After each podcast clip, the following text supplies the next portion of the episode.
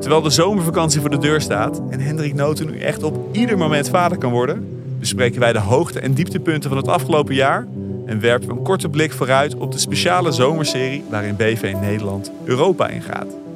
Dit en veel meer bespreken we in de podcast waarin ik wekelijks met mijn goede vriend Hendrik Noten vol verwondering kijk naar de verwikkelingen in het land dat zichzelf zo graag presenteert als een bedrijf. Mijn naam is Sander Heijnen en welkom in de BV Nederland. Records gaan er gebroken worden dit jaar met het eh, bijbouwen van duurzame elektriciteit. Dit had ik nooit verwacht. Ik denk die zes, nou mooi weet je wel. Maar negen zetels. En, en mijn inzet is om consequent de kant van de woningzoekende te kiezen. Daarom is het juist zo verschrikkelijk jammer dat we nu staan waar we nu staan. Dus zetten we vandaag een komma. Geen punt.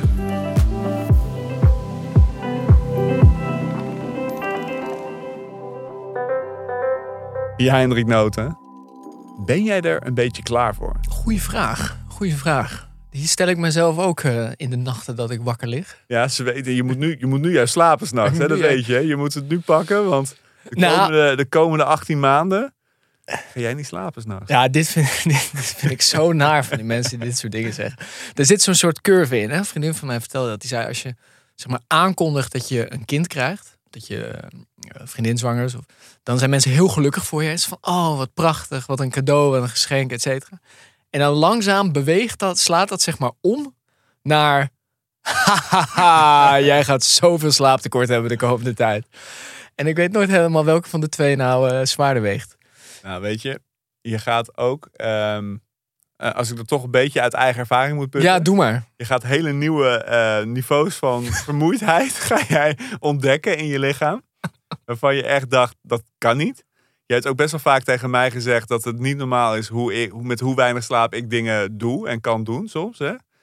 Dat er dan, zo weet ik veel, dat er dan een feest is, om half zes thuis en dan dat ik om zeven weer naar een voetbalveld ga. Ja, de een of andere manier, dat is dat voordat ik kinderen had, was het echt, als ik niet maar acht uurtjes slaap had. Is dat zo? nou, het is getraind. een beetje overdreven, maar ik had wel echt eh, slaap nodig, ja. Ja. Op de een of andere manier, je, je, je, je gaat twee, twee dingen ervaren. Je kan een niveau van vermoeidheid aan waarvan je niet wist dat bestond. En dat leidt ook tot een soort roes in je hoofd, eerlijk zelf, die dan een paar jaar op een gegeven moment optrekt en denk je, hé, hey, wat is het eh, helder buiten. Maar je gaat ook een, een niveau van liefde ervaren. Oh, dat nooit gelukkig. eerder hebt gevoeld. En, eh, Het, zijn, het is toch wel een hartverwarmend. Een hele bijzondere ervaring.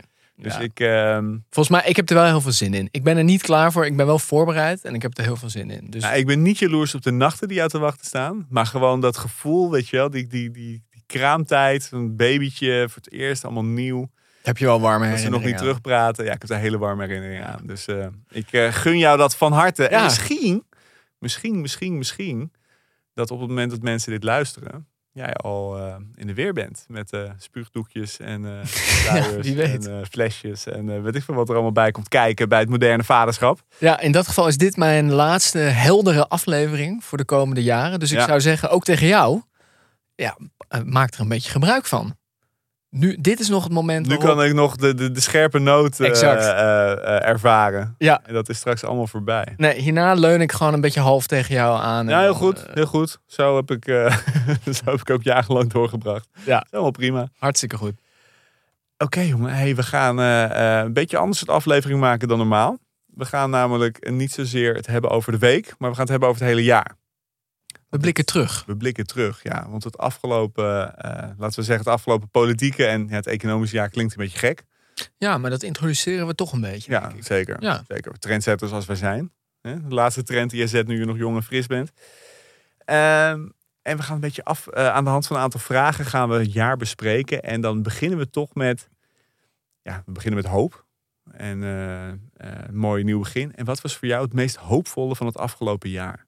Voor mij eh, was het meest hoopvolle, en ik, ik ben er in de vrolijke noot ook een paar keer eh, volgens mij al op, op Dat is gekomen. een goede rubriek voor jou, hè? Ja, ik, nou, ik, dat zou ik je dus echt zeggen. Ik zat dus op de fiets eh, hier naartoe.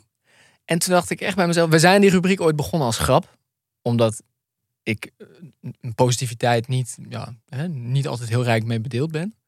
Maar die heeft mij toch mijn manier van denken een beetje veranderd. Ja, je bent beter naar de wereld gaan kijken. Ja, ik zweer het jou. Ja, wat Ja. goed. Nou, daar ben ik heel blij mee. En ik vind het alleen één feitelijke correctie. Het is natuurlijk niet begonnen als grap. Ik maakte me daar serieus zorgen over. Oké, dat- of al het gezonder van jou, wat, eh, wat je de hele week... eh, Kijk, gedeeltelijk eh, natuurlijk de gevolgen van de oorlog in Oekraïne. Dat is niet top. Maar ook de investeringen van China, van Biden en nu ook in Europa. De snelheid, of eigenlijk het, het, het moment van de snelheid die gaat aanbreken in de energietransitie. In de overgang naar duurzame energie.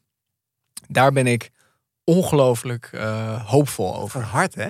Het gaat gewoon heel erg hard. En waar je dat bijvoorbeeld heel duidelijk aan ziet, is dat we hebben natuurlijk heel veel moeite om exponentiële groei te grijpen, te begrijpen. zeker. De pandemie hebben we dat gezien, hè? Van, oh, er zijn nu maar een paar besmettingen. Bleef het maar onderschatten. Ja, Ja. Elke nieuwe golf weer. Ook dat was Hugo de Jonge. Ja, komen we nog op terug. ja, ja, ja. ja. Maar met die overgang naar duurzaam, dan staat eigenlijk op het punt om iets zelfde, eh, hetzelfde soorts te gebeuren. Gewoon die investeringen die zijn zo aan het toenemen. En waar je het heel erg aan ziet, is dat die modelleurs van bijvoorbeeld het IPCC, de Verenigde Naties, eh Ja, het klimaatpanel van de VN.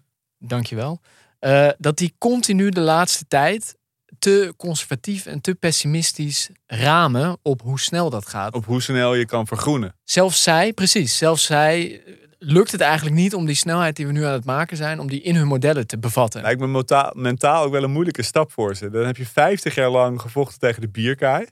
50 jaar lang heb je rapporten gemaakt waar eigenlijk Ja, veel te weinig mee gebeurde. Ja. En opeens moet je omschakelen naar... we moeten de modellen aanpassen, want blijkbaar kunnen we sneller omschakelen dan al die decennia eh, is gezegd. ja, eigenlijk zijn zij een soort van die skier die zeg maar heel lang tegen de piste opgetrokken is. En nu zijn ze over dat heuveltje heen en glijden we naar beneden. Ja, en ik moet... eh, eh, ik heb wel eens een discussie gehad met Jesse Frederik over Deek Road wel of niet. Of dat nou wel of niet een goed idee is. En toen zei ik van ja, groene groei, ja, het bestaat niet. Eh, en ik heb het idee, dat had ik een paar maanden geleden het gesprek met hem. Ik zag eh, afgelopen week een stuk van hem in de corrie. Zeker. Waarin hij eh, toch wel met best wel veel enigszins overtuigende grafieken liet zien. Dat er daadwerkelijk sprake is van ontkoppeling nu tussen economische groei en de uitstoot van broeikasgassen. Ik hoop dat hij gelijk heeft. Ja. Want als zijn analyse klopt, en het was een stuk met een leestijd van 22 minuten, dus hij, Jij zal, dacht. hij zal er wel goed over nagedacht hebben. Maar eh, nee, ja, absoluut hoopvol. Ja, en eh, tot slot, dat wil ik toch nog gezegd hebben. Er is een NGO, de Rocky Mountains Institute. Die houdt zich bezig met de energietransitie, Amerikaans. Ik zal proberen in de show notes eh, dit ook te plaatsen. En die hebben een analyse gemaakt. En zij zeggen daarin, het gaat nu, die versnelling wordt zo groot die daar aankomt. Dat zelfs het pad naar anderhalve graden nog voor het grijpen is. Wat eigenlijk al half, is mijn belevenis, was opgegeven. Ja. Ja. Dus we kunnen blijven skiën misschien wel. het wordt wel weer heel particulier gemaakt meteen. Ja, eh, Maar ja, wellicht maar, kan je... wel, maar wel hoopvol. Ja, wellicht kan je blijven skiën, ja. Ja, dit was voor mij echt het hoopvolle van dit jaar. Jij? Nou, ik heb gelukkig, had ik voor de zekerheid maar twee onderwerpen opgeschreven hierbij. Want ik had eh, deze ook opgetikt eh, in het draaiboek. Maar ik heb er nog een en die moet ik even met een klein aanloopje. Het is toch zomer, zomervakantieverhalen tijd. Ja. Eh, vorige zomer liep ik eh, langs het Komelmeer in het donker. Eh, ik was overdag met mijn vrouw en kinderen gaan wandelen. En toen waren we een kilometer of zeven verderop in het dorpje beland. En toen even een strandje gepakt. Toen lekker wat geborreld, lekker wat gegeten. En voor we het wisten was het laat, waren de kinderen moe.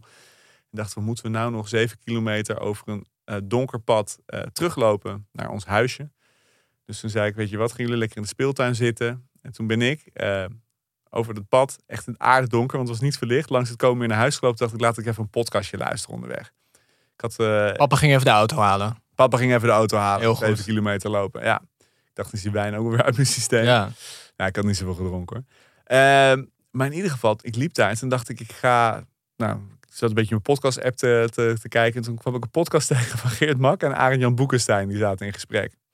Ik weet niet meer welke show het was. Maar eh, in ieder geval, die waren in gesprek. En dat was echt de teneur van die podcast. Was, dit was de laatste normale zomer van Europa. Ah, ja. Hierna wordt alles anders. Dit is de laatste keer, dus geniet ervan ook. Echt Maar een beetje rand deze- van de afgrond staan we. Het was echt de sfeer van eh, zeg maar het voorjaar 1914. Nee, nee. Toen alles nog pijs en vree was. En eh, aan het eind van die zomer zat iedereen in de loopgraven. was ook de tijd, die energieprijzen liepen snel op. Inflatie begon op te lopen. Ja, was reden ook voor die somberheid, toch? Ik bedoel, Oorlog het is verklaarbaar. Ja. Precies. Dus, dus eh, nee, er was zeker reden om te somberen. Althans, ik voelde dat ook zo. En ik, ja, en ik dacht op dat moment ook van, ja, mijn god, hoe moet het, hoe moet het nu allemaal verder, weet je wel? Het is een beetje de mijmeren. Zo, en het meer, dat is daar prachtig, weet je wel. De maan scheen er een beetje op. En het is gewoon, het was een hele, hele eh, bizarre context. Maar als ik dan nu terugkijk, de zomer die we nu ingaan, is Ja. precies zo'n zomer als de vorige zomer. Zeker. Sterker nog, het is nog een iets hoopvollere zomer. Want het klimaatprobleem, eh, het, de, de energietransitie lijkt sneller te gaan dan we dachten. Ehm, we zijn van het Russische gas afgestapt binnen een half jaar. Al die tijd werd gezegd van dat is onmogelijk. Eh, nou, voor een deel zijn we er ook van afgestapt via LNG. Hè. Daar kan je vanuit klimaatperspectief wat van vinden. Maar er is binnen een half jaar een LNG-terminal Nou, we hebben niet realiseert terwijl het gecapituleerd normaal een jaar of Poetin. 7, Ja. 8 eh, duurt. We hebben niet gecapituleerd voor Poetin. En vooral, de Europese Unie is echt bijeen gebleven. De Britten eh, doen mee met het beleid. eh, Japan, Zuid-Korea, de Amerikanen, Canadezen. Maar, die hele democratische wereld is eigenlijk eensgezind achter Oekraïne gaan staan. En eensgezind is, is toch wel de wens uitgesproken van wij willen vrij en democratisch blijven. En wij vechten terug. Wij vechten voor onze waarden. En wij steunen onze broeders in Oekraïne die voor die waarden vechten. Door dik en dun. Ja, En, en, en toen zat ik te denken, hè, toen jij mij deze vraag stelde, wat is het meest hoopvolle van het afgelopen jaar?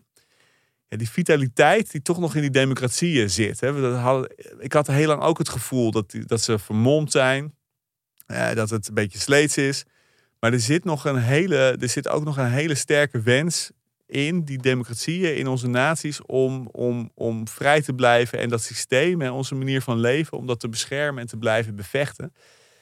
Ja, dat vind ik hoopvol. ja. Ik en ben terecht denk ik ook. Ja, dus Want er als- waren natuurlijk genoeg vraagtekens bij te plaatsen. en sterker, zoals je weet, ik ben een boek aan het schrijven over ideologie en de toekomst van de democratie. En ik maak me nog steeds over heel veel vlakken echt grote zorgen. Het is, we zijn nog lang niet out of the woods. Dat wil ik ook meteen erbij zeggen. Er zijn nog een heleboel eh, eh, dingen die ons zorgen kunnen baren. Maar we gaan niet eh, zonder slag of stoot eh, eh, neer. Nee, hoe rommelig, hoe langzaam, hoe frustrerend die democratie ook kan zijn. Zeker. Lijkt Maar- behoorlijk Maar weerbaar. Het bouwwerk is vitaal en weerbaar. Ja. En, en dat, ja, dat had ik eigenlijk, zeker als ik dan terugdenk aan het gesommermans van, van Arjan Boekenstein en Geert Mak, dat ik vorige zomer zat te luisteren op die nachtelijke wandeling langs het Komen Meer, dacht ik, gelukkig hebben deze twee grote intellectuelen niet altijd gelijk. Nee, en de, het, het- zeker. Ja, ik wil ook niks onaardigs over ze zeggen, maar ergens...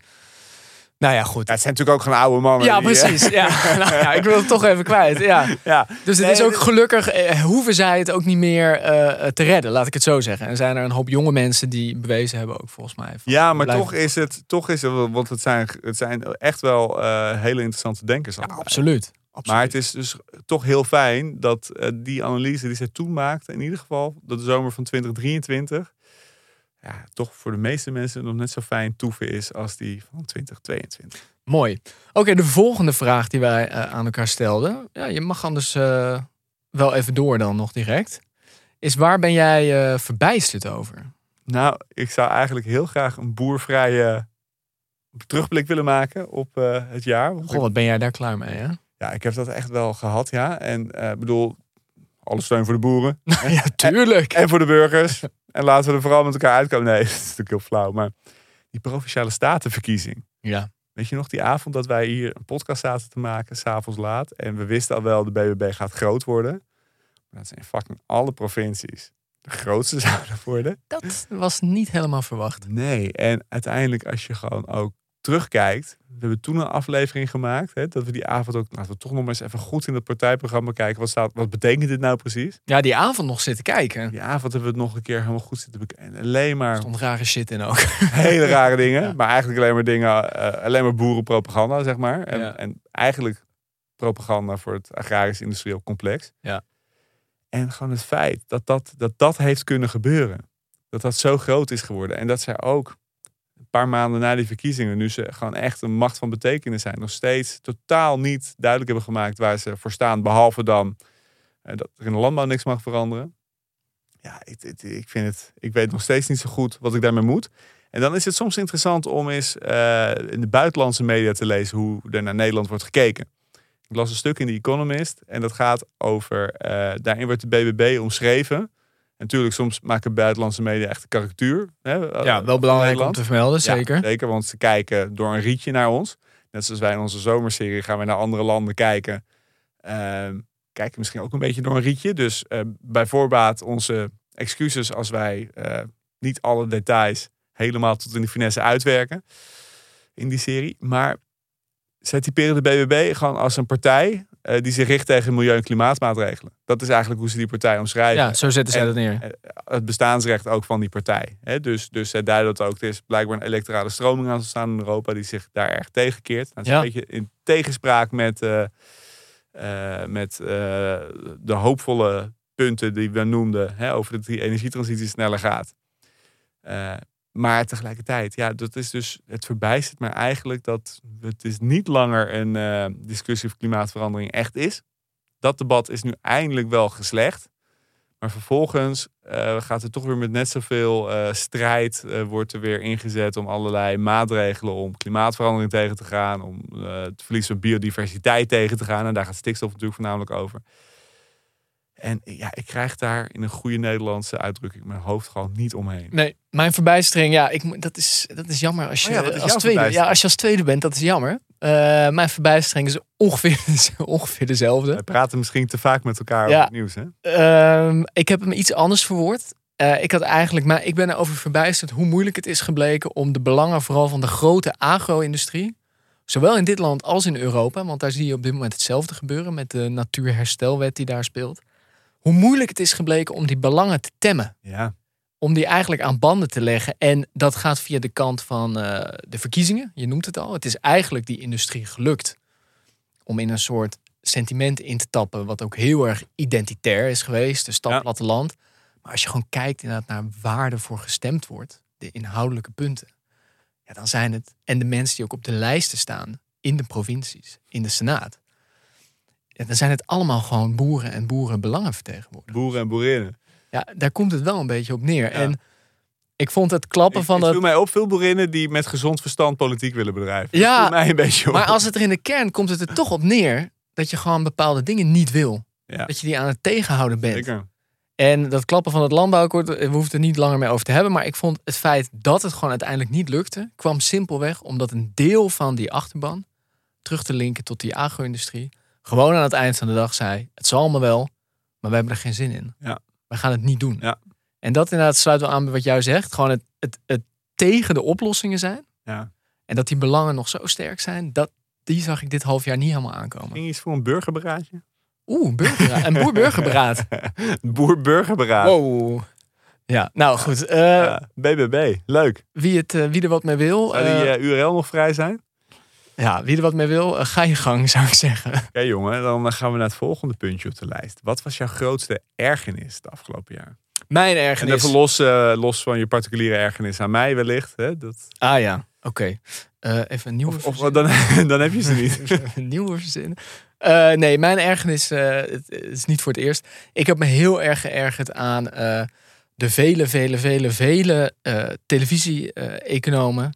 die eigenlijk het hele jaar hebben geprobeerd uit te leggen... dat vooral mensen eh, niet zo moeten zeuren over inflatie en prijsstijgingen en dure boodschappen. Dan ben ik blij dat ik eh, een van de weinigen was die juist eh, dat geluid vertolkte. Ja. Dat dat niet hoefde. Daar mag jij ook alleen bij BNN-Vara komen, dat, is, toch? dat is het nadeel. Ja. Ik heb jij inderdaad nog nooit bij WNL, geloof ik, gezien. Komen opdraven. Jawel, ik ben een keer bij, bij Op1 bij WNL geweest. Ah ja, oké. Ja, toen wilde Jort discussie met me aan over dingen, over cijfers. Ja. En op een gegeven moment George zijn sweet spot is dat, toch? gingen er vrij snel weer eh, vanaf. Goed. nee, ja, het gemak waarmee dat zeg maar werd geroepen. En, en van ja, mensen moeten ook niet te veel zeuren en niet te veel vragen. Want eh, dat is ook weer niet nodig. Ja, dat vond ik zo vrijblijvend. En zo ook wel een beetje geprivilegeerd. Daar heb ik Ja, me het, echt was aan totaal, het was totaal feitenvrij. Ja, En ook werd dat. gepresenteerd alsof de inflatie kwam door looneisen. Ja. En, en we hebben het vorige week al over gehad dat dat niet het geval is. Eh, en, en, en een loonprijsspiraal, ja. De mensen als Klaas Knot die er zoveel nadruk op hebben gelegd. Terwijl ja, die inflatie komt echt van andere factoren. Ja. Van hoge energieprijzen, van bedrijven die hun winsten eh, verhoogd hebben. Eh, allerlei factoren die het leven veel duurder maken. En als mensen dan vragen om meer loon. Ja, dat je dan inderdaad gaat zeggen, ja nee, een beroep doet op de verantwoordelijkheid van de mensen om niet te veel loon te vragen. Ja. Eh, want anders krijgen we misschien wel meer inflatie. En als je de feiten wel hebt, prima. Maar als ze er niet zijn en je doet het uit reactie, ja, dat ja, en ondertussen zeg je ja, maar we kunnen moeilijk eh, zeggen dat bedrijven geen winst mogen maken. Want dat is natuurlijk het argument wat Zeker. zegt. Hè, dat kan je niet afdwingen, maar de werkgevers kunnen wel. Je kan wel de, sorry, de werknemers via de vakbonden onder druk zetten om niet te veel eh, loon te eisen. Ja. Ja, ik kan me er ook kapot aan ergeren. Zo, eh, jouw ergernissen? Of Wat zeggen, heb je even. Eh, ik dacht, grootste ergernis van het jaar. Ik heb, eh, ik heb een aantal bullets gemaakt. Eh, ik zal de meeste overslaan. Maar twee wil ik toch even uitleggen. Je hebt een pittig jaar gehad als dit. Nou, ik heb ook deze podcast om een beetje mijn ergernissen kwijt te raken. En de rest van de week ben ik namelijk best wel een vrolijke jongen. En nou, bij jou was het dus andersom. Dus daarom hadden we die vrolijke noot eh Dat is wel waar, ja. Laten we toch doe even twee. beginnen. Dennis Ja. Wiersma. Oké, Ja, ik ben kapot aan geërgerd aan die hele affaire. oké. Eh, en ik zal je uitleggen waarom. Ehm, in het onderwijs gaat er echt iets heel erg mis. Hè, we hebben het vaker genoemd, maar van de 15-jarigen kan een kwart, hè, een kwart, 25% kan onvoldoende lezen en schrijven. Gewoon zijn eigenlijk praktisch analfabeet. Lage letters zouden we dat noemen. Dat was 20 jaar geleden was het 11% Dus het onderwijs is echt Er is wat aan de hand. qua niveau achteruit gekacheld. En we zijn een kenniseconomie. Dus, dus, dus zowel voor de innovatie die we nodig hebben voor alle transities, eh, nieuwe banen creëren rond AI, eh, nou, al die uitdagingen die we hebben. Grondstoffen hebben we niet. Eh, ons, ja, we hebben gewoon kennis nodig. We hebben slimme mensen nodig. En we hebben nu een hoogwaardige kenniseconomie, omdat het onderwijs in de jaren 80 en 90 goed was. Dat is eigenlijk hoe dat werkt. Ja. Dat is een heel lang na-effect. Dus dat deze eeuw het onderwijs heel erg achteruit is gekacheld, dat heeft hele grote gevolgen voor onze hele economie en voor de hele toekomst eigenlijk van Nederland. Dan vervolgens moet er dus echt iets veranderen. En wat je er ook van vindt, eh, Dennis Wiersma had best wel een aantal frisse ideeën. En eh, ik kan het niet helemaal, ik ben geen onderwijskundige, dus ik kan het niet helemaal op, op zijn merites beoordelen. Maar in ieder geval kan je van zeggen dat hij wilde echt een aantal dingen anders doen. En hij vond ook weer dat de overheid veel nadrukkelijker moest sturen in het onderwijsveld.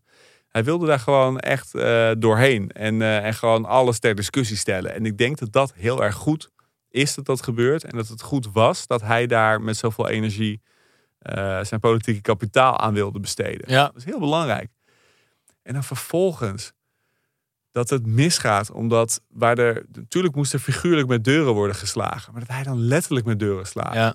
En dat hij dan gewoon letterlijk zo over grenzen van mensen heen gaat. En dus niet in staat is, niet het niveau heeft ook. Want uiteindelijk is hij natuurlijk gewoon gewogen en te licht bevonden.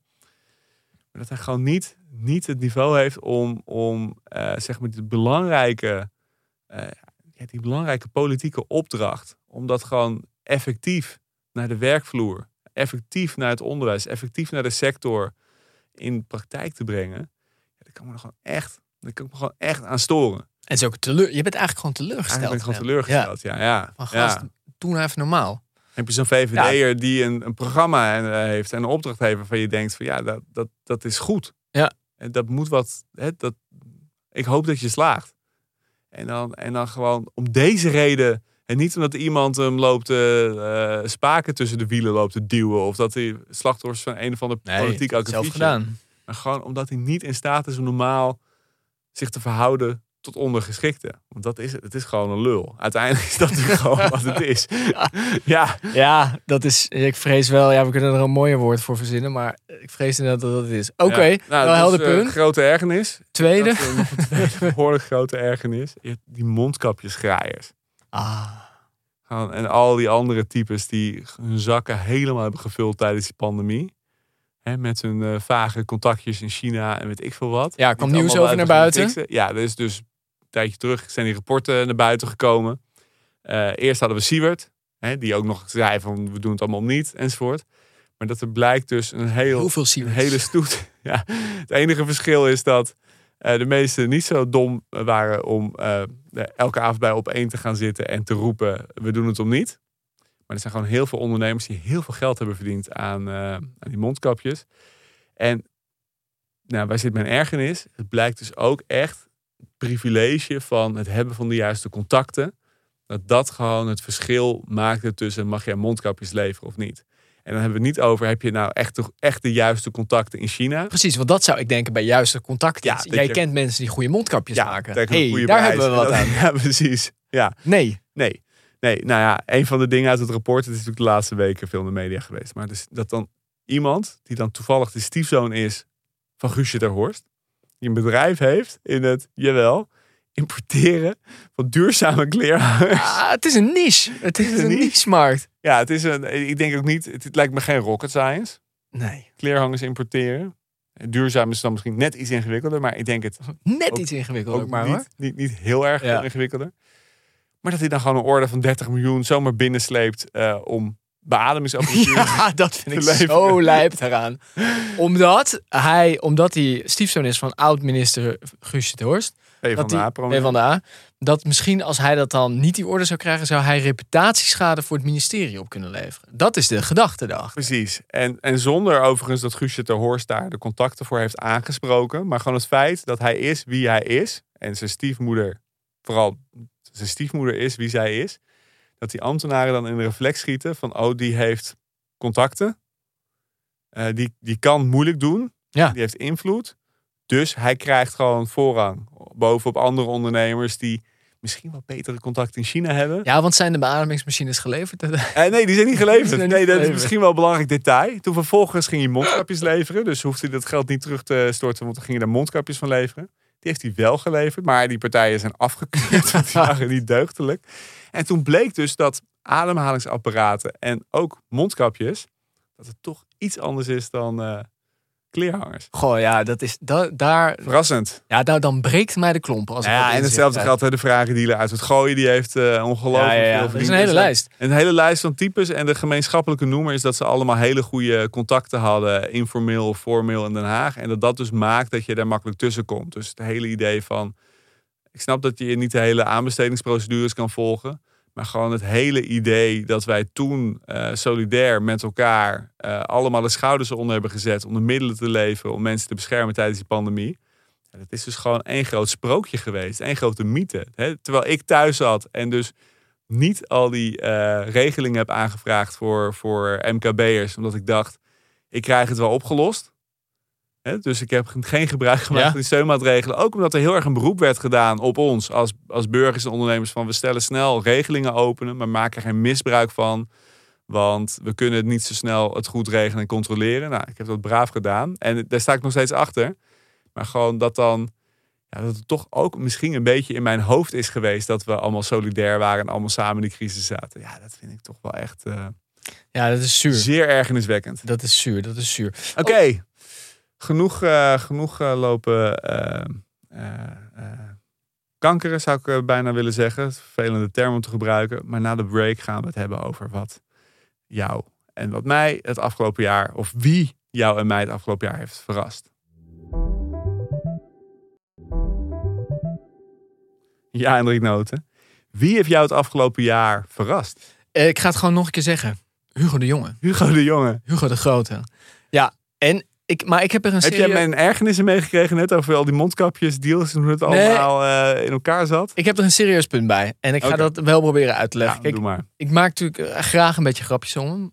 Want ik word gewoon heel vrolijk van die man. Ja, Eh, maar Hugo... maar volgens mij hij zelf ook. Wordt hij ook vrolijk van zichzelf? Nou, ik sluit het niet uit. Hugo die was natuurlijk tijdens de coronacrisis, ik zou wel zeggen, de nationale pispaal. Zeker. Ik denk echt dat het hele land had een hekel aan Hugo. Ja, En hij heeft natuurlijk ook ongelooflijk veel shit over zich heen gekregen. we noemen het niet voor niks een piñata. Hè? Gewoon, waar je al eindeloos op in kan beuken. En het was natuurlijk ook zo. Hij was altijd de brenger van slecht nieuws. Eh, en als hij dan soms goed nieuws had toegegeven, dan was hij er iets te snel mee. En dan moest hij er wel op terugkomen. Ja, Oké, dat was niet altijd handig. Ja. Na de verkiezingen werd hij natuurlijk minister van Volkshuisvesting. En je zou kunnen hebben gedacht van, goh, hij, eh, hij krijgt nog een post in het kabinet. Want hij heeft altijd eh, loyaal samengewerkt met Rutte. Maar ja, geen eh, vicepremier meer.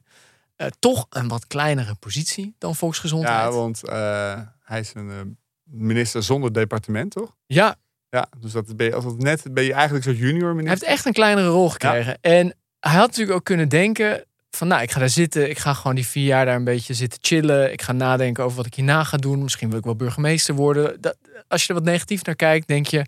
dat zou een logische route voor hem zijn geweest. Politiek ben ik een beetje uitgespeeld misschien. Ja, en misschien vind ik het ook niet heel leuk meer om elke dag bedreigd te worden. of, dat zou ook nog mee. Maar dat heeft hij niet gedaan. Nee, zo is Hugo niet, hè? Nee, hij heeft echt gedacht, nou, ik ga gewoon op voor een nieuwe ronde. Ik ga weer mijn kop naar beneden doen. En als een blind stier, blinde stier, bestorm ik gewoon dit volgende beleidsdossier. Dus ik zie hier een nieuwe doelgroep van mensen. Eerst waren het de wappies. Ik denk dat die hier ook tussen zitten. Waar ik heel goed ruzie mee kan maken. De Ja. vastgoedjongens. ja. En ik gooi gewoon de beuk erin. En of dat goed gaat uitpakken, of zijn beleid goed gaat uitpakken, daar durf ik niet mijn hand voor in het vuur te steken. Maar ik heb wel respect voor die, die attitude. En dat heeft mij ook echt eh, heeft me ook verrast. Ik, Ja, de man heeft wel ballen en, eh en daad, dadendrang. Dadendrang, ja. Ja, Ja, ja. ja. Of het tot de juiste dingen leidt, daar, daar verbind ik Je me hebt volgens mij in Rotterdam, eh, je hebt zo'n oud stukje Rotterdam. Waalhaven is dat volgens mij. Ik zeker, maar dat is zo'n standbeeld van, eh, van Piet Hein. Oké, die staat daar nog op zijn sokkel. Daar nog wel. Ik denk dat dat misschien wel de plek is. Als Piet Hein definitief gecanceld wordt. Dat voor Hugo. beeld van Hugo neer te zetten.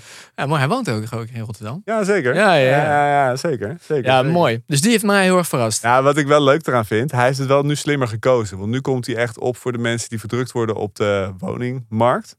Hè, die dus nu niet aan een huis kunnen kopen. En hij neemt het nu op tegen de vastgoedjongens. En laten we wel wezen, behalve vastgoedjongens, hebben niet zo heel veel mensen heel veel liefde voor vastgoedjongens. dat is wel waar. dus hij heeft nu misschien ook wel een slimmere... Hij, hij, hij heeft gekeken van oké, ik was zelf de piñata, maar hij heeft nu zelf ook een box Ja, gevonden waar hij op in kan rammen. Hij is wel handig. En nogmaals, pas over een jaar of tien kunnen we echt zien wat er van het beleid is gekomen. Maar we hadden het er vorige week ook al over. Hè? Hoe, hoe zijn beleid er in ieder geval toe leidt dat, dat beleggers denken... de Nederlandse markt is niet meer interessant. We kunnen niet meer maximaal eh, huurders eh eh stratenaat laten werken... om hele hoge huur aan ons te betalen... die we dan zo achterover kunnen trekken en duwen. Precies. Dus in ieder geval, hij maakt wel de mensen boos die eh buitenproportioneel hebben geprofiteerd van eh, de Nederlandse woningmarkt de afgelopen jaren. Ja, en er gebeurt wel wat. En En dat moet je hem toch wat, meegeven. Ja. Ja, ja, ja, want er zijn een heleboel dossiers waarop minder gebeurt. Hè? hij verstopt zich niet. Dus eh, nee, Hugo heeft mij echt positief verrast. Wat heb jij... ik zat nog even, ik kom zo op. Ik zat nog heel veel te denken. Misschien moeten we hierna landbouw gaan doen. dat, zou wel, wow, dat zou wel echt vet zijn. ja, Oh, dat zie ik echt nog wel voor me. Ja, ja, ja. Ja, ik weet niet of dat... Ja, dat zie ik nog wel echt voor me. Dan was echt de allerlaatste keer dat het CDA in een eh, kabinet zit. Maar Ja, maar hij zou toch wel... Hij zou wel wat gaan... hij zou er wel zou voor, wel wat hij zou er wel voor gaan, ja. Ja, mooi. Oh, ik kan zie hem doen ook. Misschien kan hij dat als Adema straks moet aftreden als eh erbij, eh erbij nemen. Fascinerend. Oké, jij. Verrast. Nou, ehm, ik moet heel eerlijk zeggen. ik durf het bijna niet te zeggen. Ja. Maar in december ehm, kwam er na heel lang debatteren en heel lang eh, actie voeren, kwam er een man naar voren met een toespraak waarvan ik echt, echt, ik was er niet alleen door verrast, ik was er ook door geroerd. En dat ik geroerd was door een toespraak van deze man, ja, dat vond ik buitengewoon verrassend. Ik heb het namelijk over Mark Rutte. Ja.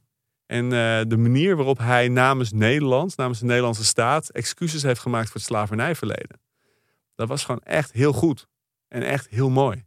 En eh, vooral omdat hij eh, eigenlijk in die toespraak nam hij de hele intellectuele reis mee die hij heeft gemaakt in zijn hoofd.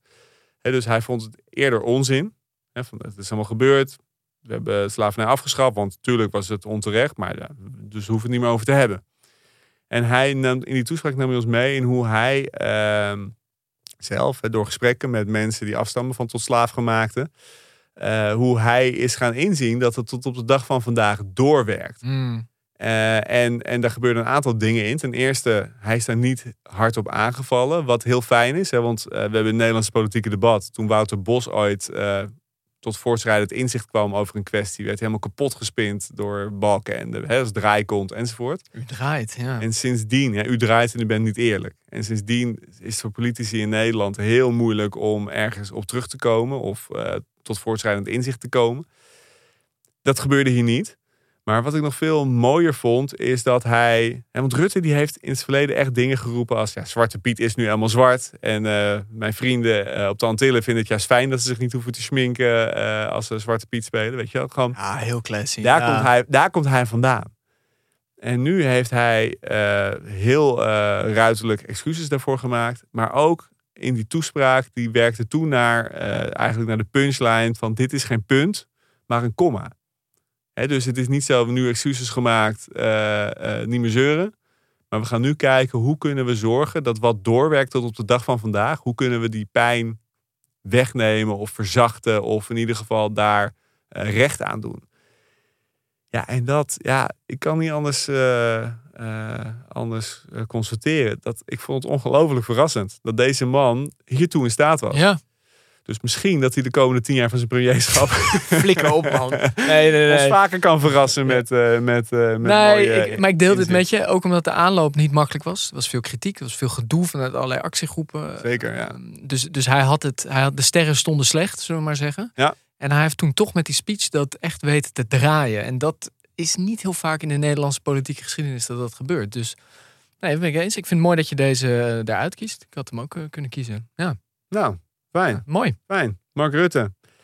Ja, dan, wie is je tegengevallen? Ja, ik eh, ga het een beetje zeggen uit Tough Love, zoals dat dan heet. Au, Komt van een goede plek, maar dan moet je juist soms de waarheid ook zeggen tegen elkaar. Zo zijn vrienden, hè? Ja, dat vrienden vind ik ook wel weer een groot woord, maar Kennissen. goede kennissen. De SP, de Socialistische Partij, valt mij dit jaar eigenlijk eh, tegen. Oh ja? Ja, en wat me vooral tegenvalt is gewoon hun, eh, hun resultaten. Je ziet ze eigenlijk in de peilingen steeds wat verder wegglijden. En het was al niet veel, maar het wordt nu steeds minder.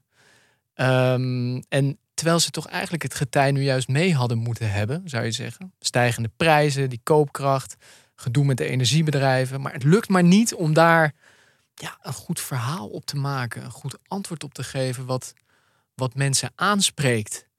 En eh, wat ik zelf daarin gek vind, is dat zij vooral blij- zich blijven afzetten tegen GroenLinks en PvdA.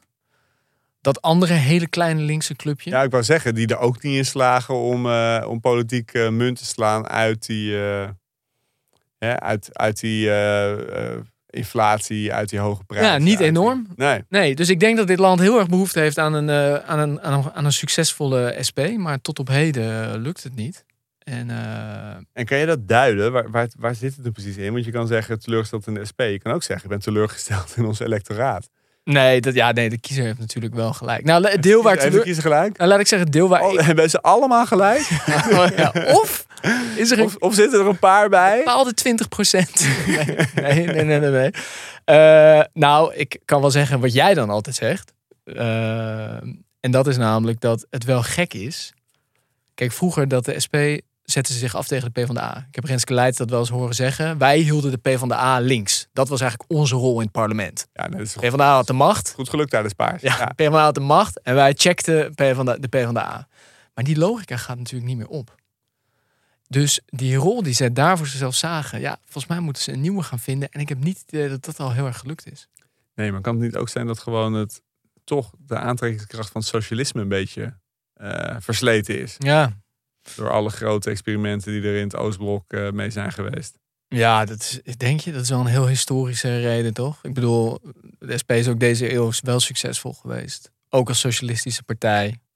Ik denk ook, ze staan niet echt heel erg meer voor dat socialisme aan zich.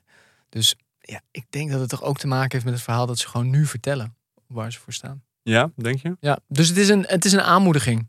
Een aanmoediging. Ja. Het is een aanmoedigingstegenvaller. Ja. Oké, interessant. En jij, jouw tegenvaller? Nou ja, om dan toch eh, even wat dichter bij de beleving eh, van veel burgers te blijven. Ajax. Ja, denk je dat dit een beleving is van veel burgers? Ja, van veel burgers wel. Ik weet niet of het de beleving is Voetbal van veel van onze luisteraars. Maar voetbal sowieso. Oké. Nee, er zijn ook een heleboel mensen die hele positieve emoties hebben bij het, eh, bij het seizoen van Ajax. Maar ik ga even een kleine redenering opzetten waarom, wat me nou eigenlijk echt tegenvalt. Want het gaat natuurlijk helemaal niet per se om Ajax aan zich. Maar Ajax is de club in Nederland, voetbalclub met de grootste begroting, met het meeste geld. Dus je zou, als je langs de lijnen van, eh, van het neoliberalisme redeneert, zou je dus zeggen, die kunnen altijd de prijzen pakken Ja. in Nederland. Het zijn het machtigste, het invloedrijkst, dus het meest succesvol. En meestal is dat ook zo de laatste jaren. Eh, dit keer niet. Dus eigenlijk zou je moeten zeggen, het is eigenlijk mooi dat niet de grootste begroting wint. Dat niet het geld alles bepaalt. Dus ik ben ook totaal hypocriet hè, in deze. Dat zeg ik ook meteen bij.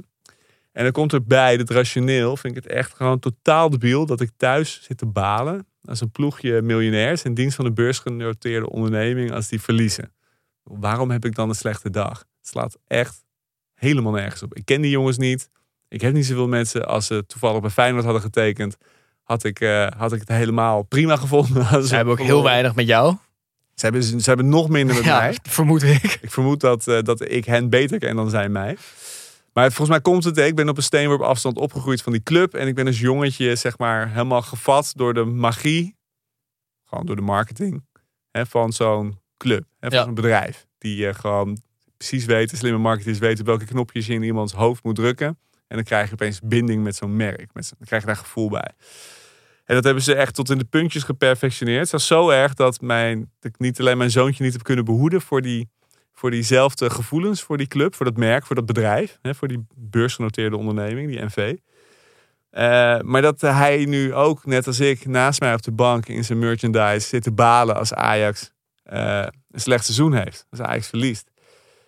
En daar kom ik erop. Eh, uiteindelijk ben ik onge- ongelooflijk teleurgesteld in mezelf. Dat ik, ondanks het feit dat ik dit jaar 40 ben geworden. En ondanks het feit dat ik dit allemaal rationeel al heel lang weet. Dat ik gewoon toch niet in staat ben om al die gevoelens te parkeren. En gewoon te denken, ja boeien dat ze niet winnen. Ja, Dat ik daar dan gewoon echt heel erg van baal. jouw eigen emoties Het zitten is een dwars. confrontatie met mezelf. Ja, ja, ja, dat is altijd emoties zitten, je, zitten jezelf eh, vaak dwars. Eh, komen Dus je, straks- ja, je komen bent straks weer bij jouw vaderschap. Jij gaat allemaal dingen doen waarvan je denkt, waarom doe ik dat in hemelsnaam? schreeuw hier in die microfoon. Eh, ja, nee, maar dus ik snap het. En speelt het dan ook nog wel mee dat het een bedrijf is, een miljoenenbedrijf, waar jij je heel emotioneel bij voelt. Wat ook nog wel blijkt dat het gerund wordt door misschien niet de grootste geesten, mag ik Door, het zo eh, zeggen? Door, door, door mensen naast wie Dennis Wiersma een groot ethisch Ja, pas heeft. Ja. ja. Ja, ook ja, tuurlijk. Ik had, ik had als kind had ik, had ik letterlijk een poster van Mark Overmars in mijn kamer hangen. Ja. Die toen eh, een, eh, een eh, geweldige buitenspeler was. Later ook een hele succesvolle technisch directeur van Ajax. En voor de niet-liefhebbers, dat zijn degene, eigenlijk de architecten van zo'n club. Hè. Die, die, die stellen zo'n team van spelers samen. En als die hun werk goed doen, ja, dan ben je onverslaanbaar. En als die dus heel veel geld te besteden hebben en ze zijn goed in hun vak. Kun je goede spelers halen, dan win je alles. En die bleek dan foto's van zijn piemel te sturen naar jonge vrouwelijke medewerkers. Ja, weet je, dat, dat soort figuren doet dat wel soort pijn, plekken toch? zitten. Ja, en dan vervolgens een algemeen directeur die gewoon tot, op geen enkele kwestie in staat is om met, met, met een beetje eh, gevoel voor ethiek te reageren. En dat ik het toch niet los kan laten dat ik, dat ik, dat ik gewoon diep bedroefd ben als die dan niet presteren als organisatie. Ja, het is echt, Pijnlijk. het is echt pijnlijk, ja. Snap ik. Grote confrontatie met mezelf en voor alle eh Ajaxiden die naar die podcast luisteren. eh, misschien had je dit nog niet, eh, had je dit teleurstelling in jezelf nog niet ontdekt. Nou ja, Bij, de- bij bij deze. deze. En voor alle Feyenoorders en PSV'ers en fans van andere clubs. Voor jullie geldt natuurlijk precies hetzelfde. Alleen word je misschien iets vaker ermee geconfronteerd. Omdat Ajax natuurlijk meeste kampioen Oké, oké, oké, oké, oké. Voordat de helft afhaakt. Ja, ja, sorry, sorry, sorry. Next. Ja, wat hoop jij terug te zien na de zomer? Nou, kijk, ik wil heel graag, eh, heel, heel graag in deze podcast door kunnen met de wekelijkse rubriek Only Frans. Frans Timmermans. ik wil daar gewoon mee door kunnen. Ik denk dat wij er allebei heel veel plezier van gaan hebben. Ik heb het idee dat je toen straks al een beetje bezig was om wat SP'ers van je te vervreemden. En ik, dus als ik dan doordenk, dan denk ik, er is maar één manier waarop eh, wij met die rubriek door kunnen, Only Frans. En dat is als ik na de zomer de onvermijdelijke opmars van Frans Timmermans naar het torentje ga zien. Dat is nogal een uitspraak. Ja, dus echt, weet je, all, all I want for Christmas, maar dan gewoon voor na de zomer, is Frans, doe het. Is dat eigenlijk een promotie? Als je van tweede man in Europa naar de eerste man in Nederland. Ja, dat is een goede vraag. Ik, de- ik denk voor je ego wel. Ja, Denk je niet? Wel? Ja, Ja, want je bent toch baasje. En uiteindelijk willen toch al dit soort mannen altijd volgens mij gewoon baasje soort zijn. mannen, ja. Ja, Ja. dus voor de sake van onze podcast, voor de rubriek Only Frans, hoop ik na de zomer te zien dat Frans Timmermans zich in het strijdgewoel voor het, eh, het Haagse torentje gaat werpen. En dat dat dan vervolgens ook daar als winnaar uitkomt. Ja, het liefst wel, maar als we gewoon een. een- Want het, het lijkt. ja, Nee. nog even, ik, ik wil de rubriek ook graag. Dus laten we, laten we proberen een soort van positieve eh, lijn op Frans Timmermans vast te houden. Gewoon omdat het leuk is. Maar de laatste peiling voor het reces. Volgens mij waren, PV, waren de BBB en de VVD gedeeld de grootste. Ja, het land, het land koerst nog altijd goed naar rechts. Ja, Maar misschien is dat juist hè, dat, we hem, eh, dat, daarom dat hij harder nodig is dan ooit. Frans Timmermans toch eh, stiekem eh, allemaal zeteltjes afsnoept van die partijen. Dat hij die fusie met GroenLinks tot een goed einde brengt. En misschien wel de SP erbij weten. Ja, wie weet. Kijk, en als hij dan niet wordt, vind ik niet erg. Want dan kunnen we in de rubriek juist wel gaan volgen van hoe hij zijn nederlaag aan het verwerken is. Dan wordt hij onze nieuwe piñata. Ja, dan gaat hij ook rare dingen doen waarschijnlijk. Dus dat, dat, dat zie ik ook nog wel goed eh, Ja, komen. precies. Oké. Maar bemoei je ermee. Eh, jij, na de zomer. ja, waar ik toch heel erg naar uitkijk, is de kleine noot. Oh, ja, ja. Ja, ja. daar ben ik toch wel heel benieuwd naar. Ik weet ook nog steeds niet of het een jongetje of een meisje is. Dat wil je niet zeggen. Nee. Ik heb wel... eh, eh, ik denk dat ik wel 50% zeker weet wat het wordt. Oh ja, dan heb je, heb je een vermoeden, ja, ik heb een vermoeden, ja. Oké. Ik 50% zeker een meisje. Ja, ja, ja. ja. Zou er Nee, ook naast kunnen zitten. Nee, Heel intelligent. Ik, eh, ik neig wel naar die gedachte, maar dat eh, eh, is gebaseerd op vrij weinig, moet ik zeggen. Eh, ja, nee, ik ben heel benieuwd, jongen. Eh, jij als, eh, als vader. En ik ben ook benieuwd of je dan wat zachter wordt. Mm, Vind je maar, ja? Nog zachter, ja. ik nog, eh, nog iets weker zou Ja, worden? Of misschien word je prikkeliger, dat zou ook kunnen. Nee, ik vermoed, het, ik vermoed het wel. Ik denk dat ik wel, eh, wel nog wat zachter word. Of is jouw, is jouw testosteron level al meteen van het moment dat de conceptie was gedaald? Ja, dat gebeurt wel bij mannen, hè? Ja, het gebeurt echt. Ik weet niet, is dat bij de bevalling of bij de. Nou, zo, volgens mij is dat meer bij de, ja, richting de bevalling, maar ook tijdens de zwangerschap al. Ja, dan wordt je testosteronniveau echt minder. Gezien mijn eh, eh, nog voortdurende agressie naar elektrische fietsen in Amsterdam, die mij het leven moeilijk maken, denk ik dat het nog goed zit met mijn testosteron. Ja, heb ik Oké, ja. Ik heb ook ja. nooit gemerkt dat mijn testosteron niveau eh, omlaag ging eigenlijk. Ja. Hey, Ja, mooi. De, beetje het laatste, een van de laatste puntjes. Waar heb jij op moeten terugkomen dit jaar? Nou, eh Rob Jetten. Op Robiette. Nou, niet op, op Rob Jetten. Ik weet niet helemaal hoe dat eh, eruit zou zien. Ehm, nee, ik was dit voorjaar sceptisch. Zeker na die, eh, de genoemde verkiezingen, verkiezingsavond die wij samen zaten te kijken. Ik dacht, dit wordt helemaal niks meer. Deze club krijgt niks meer voor elkaar. Nou, ik denk nog steeds dat het eh, voor de toekomst heel moeilijk wordt. Maar in april heeft eh Rob Jetten gewoon heel stoïcijns tijdens de voorjaarsvakantie. Ondanks die verkiezingen en ondanks al dat gedoe, ondanks Wopke Hoekstra een heel ambitieus en uitgebreid klimaatpakket gepresenteerd. En ik vind, hij blijft gewoon stoïcijns doorgaan eigenlijk met zijn ambitie. Dat had ik niet verwacht. Ik was daar sceptisch over. En ik, ik moet daar dus ook een beetje op terugkomen dat ik vind dat hij gewoon heel succesvol doorgaat eigenlijk. Ondanks dat ik dat niet meer toen, toen dacht. Ja, Nou weet ik niet, Rob, als je luistert, tuurlijk luistert op. bij Ze deze. heeft allemaal goede tips van ons gehad vorige week over het burgerberaad. Ja, Nee, die luistert wel. nee, dus dat, eh, ja, moest ik ja, toch even een U-bochtje. Ja, ja, ja, nee, ik snap het. Ja, En jij? Nou, ik heb eh, het toch eh, ook even nog. ehm, ik heb best wel zitten speculeren in september op televisie, live, eh, bij Galiet en Sophie. Over het ontstaan van eh, warmtebanken. Dus, eh, nou, ik had het begin. eh, ik denk dat die, die podcast, eh, die, die, die indruk die ik had, die podcastaflevering van Boekenstein en Geert Mak, die ze zaten te somber over. Dit is de laatste normale zomer. En op dat moment gingen die energieprijzen gingen ook echt door het dak heen. En toen kwamen de inflatiecijfers van CBS, die inmiddels ook alweer een beetje zijn bijgesteld, hè, waar we het ook over gehad hebben, kwamen daarbij. En toen werd ik gevraagd om, om er ook een beetje te speculeren eigenlijk op wat voor een jaar staat ons te wachten. En toen heb ik dus een aantal dingen gezegd. Nou, ten eerste heb ik gezegd, ik hoop dat er geen afstedentocht komt dit jaar. Ja. Want het moet niet al te koud worden, want dan hebben we een grotere kans dat we er doorheen komen. Nou ja, dat, daar zat ik, dat was een hoop die ik uitsprak. En hij is ook niet gekomen, wat niet heel verrassend is, want volgens mij hebben we al eh, 26 jaar geen afstedentochten meer. Maar toen heb ik ook gespeculeerd over het ontstaan van warmtebanken. Vrij heftig concept. Ja. Ja, dus het idee was hè, van nou, mensen, energie, gas wordt zo duur dat mensen gewoon echt eh, grote groepen mensen het niet meer kunnen, zich niet meer kunnen permitteren om te stoken. Gas wordt ook zodanig schaars dat er ook niet voor iedereen gas is. En dat we dan misschien wel sporthallen, gemeentehuizen, dat soort dingen zouden openstellen voor mensen die hun kachel niet kunnen aanzetten om daarheen te gaan. Om een beetje op te warmen. Om een beetje warmte weer in hun botten te krijgen. Nou, dat was misschien wat eh, overspannen. Enigszins overspannen verwachting. Ja, ik heb het idee dat het niet echt. eh, er zijn mensen. Kom je wel mee op televisie? Op televisie met Ja, overspannen nee, dus- verwachtingen. Dus op zich, eh, ik blijf ook gewoon als ze me bellen voor overspannen verwachtingen. Ja, vind ik altijd belbaar. Jullie hebben mijn nummer. Eh, nee, maar dat, achteraf, weet je, Ja, misschien als toch iets, eh, Ja, ik zou er iets wel- rustiger moeten blijven. Iets dichterbij. Wat kan je nou waarnemen dat nu daadwerkelijk gebeurt?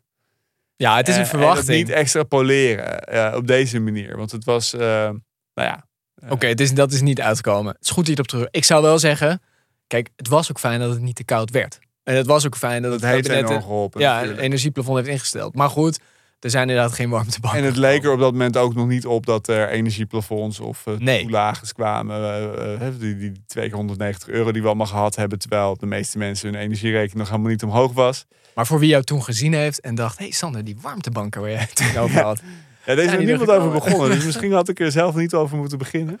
Nee, dat is Maar, een beetje de eh, essentie van dat soort televisie ook. Ach volgens mij. ja, het is wat het is. Nou, mooi. Ja jongen, zullen we een klein eh, voorspellingje doen? Ja, Tot slot. Ja. Waar we dan het komend jaar op terug kunnen komen. ja. dacht ik, wie is de eerste minister eh, die aftreedt? Na de...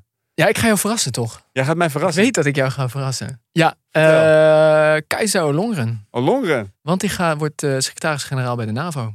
Nee. Dit is, mijn, dit is een theorie, dit is een voorspelling. Ja, het was eh, vorige week was een na, kleine NAVO-top in Nederland.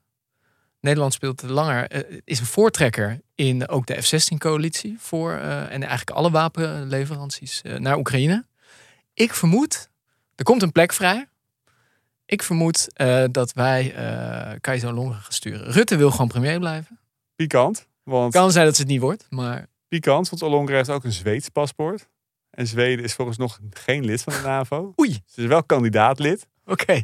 Eh, de Turken hebben daar nog wat Ja, ja, ja, goed. te vinden. Laat ik zeggen, wellicht kom ik in december op deze voorspelling Ja, terug. nee, het zou kunnen. Het zou kunnen. Ik kijk Maar de gedachte uit. is interessant, er- toch? De gedachte is interessant. Ja, Ik ben benieuwd of je ook nog enig eh, bronmateriaal hebt hierbij. Of dat het gewoon een pure speculatie is. Fingerspitzengevoel. Mijn vingers, dat is, dat is het bronmateriaal hier. Als dit uitkomt, Zou wel sick zijn. ja, dan stijg je ook echt nog wel eh, voor al onze luisteraars enorm in de Dan achter. moeten ze mij bij een NPO ook eens bellen als ze voorspelling hebben. Ja. Als dit uitkomt. Ik geef je nummer wel eens door als ik niet kan. Ja, daar gaan we het nog wel over hebben. Jij wil dat niet eh, live Ja, het zijn wel altijd de verzoekjes waarvan ik denk... Hm, jouw voorspelling voor komend jaar.